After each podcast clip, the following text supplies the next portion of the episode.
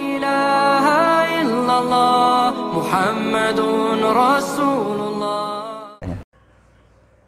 Assalamualaikum warahmatullahi wabarakatuh. Bismillah, alhamdulillah. Wassalatu wassalamu ala rasulullah wa ala alihi wa sahbihi wa wala amma ba'd.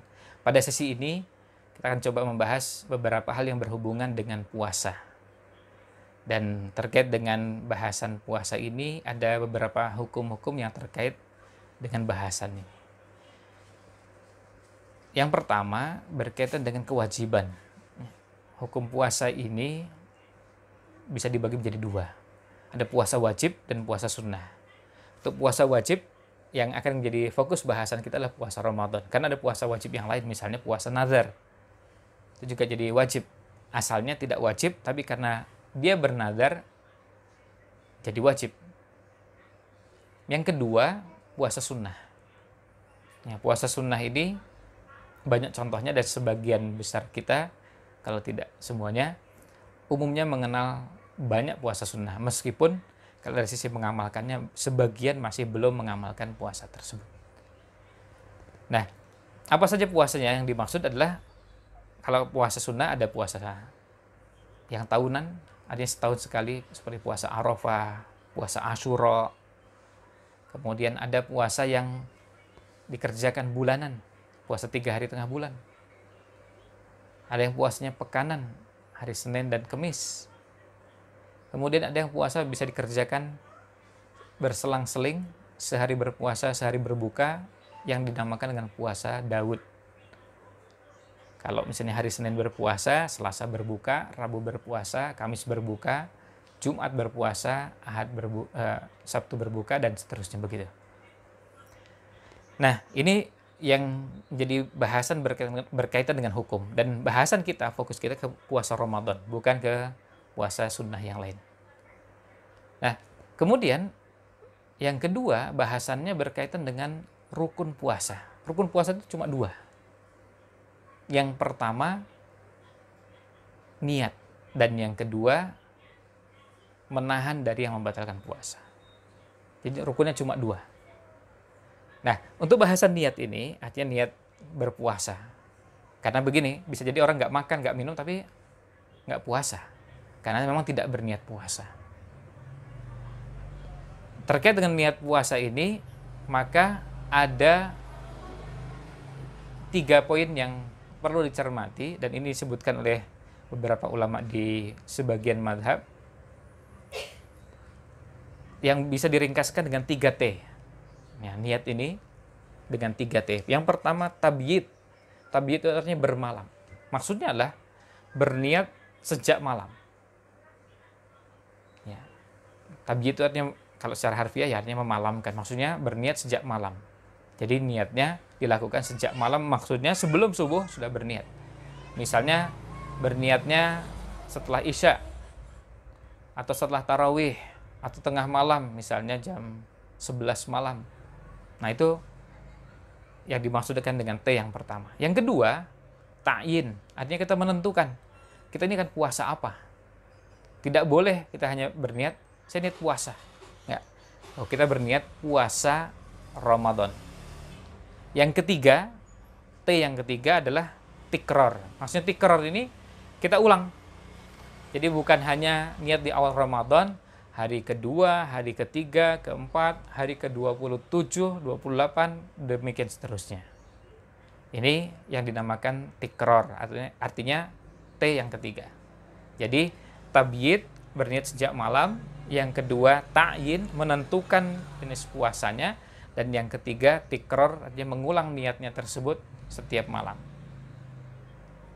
Nah, ini terkait dengan rukun puasa. Jadi rukun puasa ada dua, ada niat dan yang kedua niat ini eh, jadi ada niat dan ada menahan dari semua pembatal puasa. Kemudian berkaitan dengan syarat. Syarat puasa ini bisa dibagi menjadi dua, ada syarat wajib dan syarat sah. Maksudnya, orang yang terkena kewajiban ada syarat-syaratnya. Tapi ada orang yang boleh mengerjakan puasa dan dianggap sah kalau memenuhi syarat-syarat. Nah, kalau bicara syarat wajib ada tiga. Yang pertama, dia muslim, muslimah. Yang kedua, artinya beragama Islam. Yang kedua, berakal. dan yang ketiga balik. Ini syarat wajib, eh, syarat wajib. Sementara syarat sahnya poin pertamanya sama muslim dan yang kedua berakal. Lalu yang ketiga suci dari haid dan nifas. Ini khusus untuk kaum wanita. Dan yang keempat bukan dikerjakan pada hari yang dilarang. Misalnya eh, ada hari-hari seperti Idul Fitri, Idul Adha, maka kita tidak boleh berpuasa. Ini syarat sahnya orang yang mengerjakan puasa. Jadi kita bisa lihat dalam syarat ini orang yang berpuasa tapi belum mencapai usia balik puasanya sah. Puasanya sah karena dia muslim, berakal. Tapi meskipun belum balik dia puasanya sah, mendapatkan pahala. Orang tua yang mengkondisikan anaknya untuk berpuasa apalagi dalam kondisi seperti sekarang ini dalam kondisi wabah COVID-19 ini, maka ini memungkinkan untuk kita berpuasa dengan keluarga mengkondisikan anak-anak untuk tetap berpuasa. Selanjutnya ada sunnah-sunnah yang dianjurkan untuk dikerjakan ketika berpuasa. Di antaranya yang pertama bersahur. Dan sahur ini afdolnya mengakhirkan. Jadi yang sahur jam 8 malam boleh, jam 9 malam juga boleh, jam 10, 11, 12, 1, 2, 3, semuanya boleh. Tetapi yang paling bagus adalah yang mendekati subuh. Jadi yang sahur jam 3 lebih baik daripada yang sahur jam 8 malam. Kemudian berbuka. Sebaliknya kalau sahur itu dianjurkan diakhirkan, kalau berbuka dianjurkan disegerakan. Yang dalam bahasa Arab namanya ta'jil dengan menggunakan huruf ain. Ta'jil itu artinya menyegerakan berbuka puasa. Yang ketiga, sunnah yang dianjurkan juga di bulan Ramadan adalah memberi makan orang yang berbuka puasa. Man iman, siapa yang memberi makan orang yang berbuka puasa. Karena lahu mitlu ajrihi, maka dia akan mendapatkan pahala seperti orang yang berpuasa.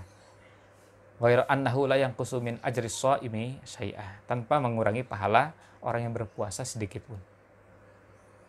Ini pahala orang yang memberi makan.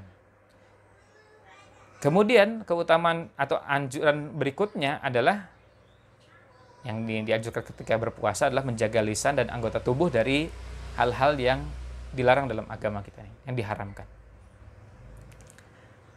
Sunnah berikutnya adalah berbuat berbagai kebaikan.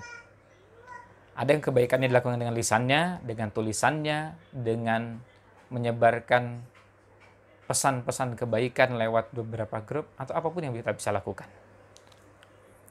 Eh, termasuk yang dianjurkan adalah menyibukkan diri selama bulan Ramadan dengan Al-Quran dan di 10 hari terakhir ada iktikaf yang juga dianjurkan untuk dikerjakan. Kemudian bahasan berikutnya berkaitan dengan puasa ini adalah pembatal puasa. Pembatal puasa dibagi dua. Pembatal puasa yang kalau dikerjakan maka dia berkewajiban mengkodok. Yang kedua, pembatal puasa yang jika dikerjakan dia berkewajiban mengkodok dan ditambah lagi dengan kafarah. Untuk mengkodok ini ada beberapa jenis pembatal, di antaranya makan dan minum yang dikerjakan di siang hari bulan Ramadan dengan sengaja. Kalau tidak sengaja tentu tidak masuk. Lalu yang juga termasuk pembatal puasa adalah istimna melakukan hubungan eh, apa istimnanya eh, mengeluarkan air, air mani atau dengan eh, apa dengan sengaja air, jadi mengeluarkan mani dengan sengaja eh, yang di sering diistilahkan dengan ejakulasi. Kemudian pembatal puasa yang lain adalah misalnya bagi kaum wanita tiba-tiba pada hari tersebut datang bulan. Sementara pembatal puasa yang masuk kategori pembatal puasa yang berkewajiban mengkodok dan ada kafaratnya adalah melakukan hubungan suami istri di siang hari bulan Ramadan. Bahasan berikutnya adalah ada hal-hal yang termasuk perbuatan yang tidak merusak puasa. Di antaranya adalah misalnya makan dan minum dengan tidak sengaja. Biasanya ini terjadi bagi orang yang tidak biasa puasa, terutama di awal Ramadan. Yang kedua, muntah dengan tidak sengaja. Yang ketiga, eh, bersentuhan dengan pasangannya yang bukan atau tidak melakukan hubungan suami istri.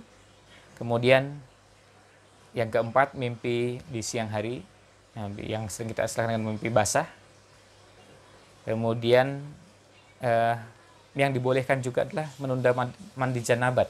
Ya. Menunda mandi janabat ya pada saat saat di siang hari bulan eh, pada saat menjelang sahur. Ya. Jadi malamnya suci misalnya bagi wanita, terus kemudian makan sahur dan menyelesaikan makan sahur dulu, baru kemudian mandi dan itu pas masuk waktu subuh. Nah, e, berkumur-kumur memasukkan air ke hidung juga bukan termasuk pembatal e, puasa. Selain itu juga e, menggunakan siwak juga dibolehkan.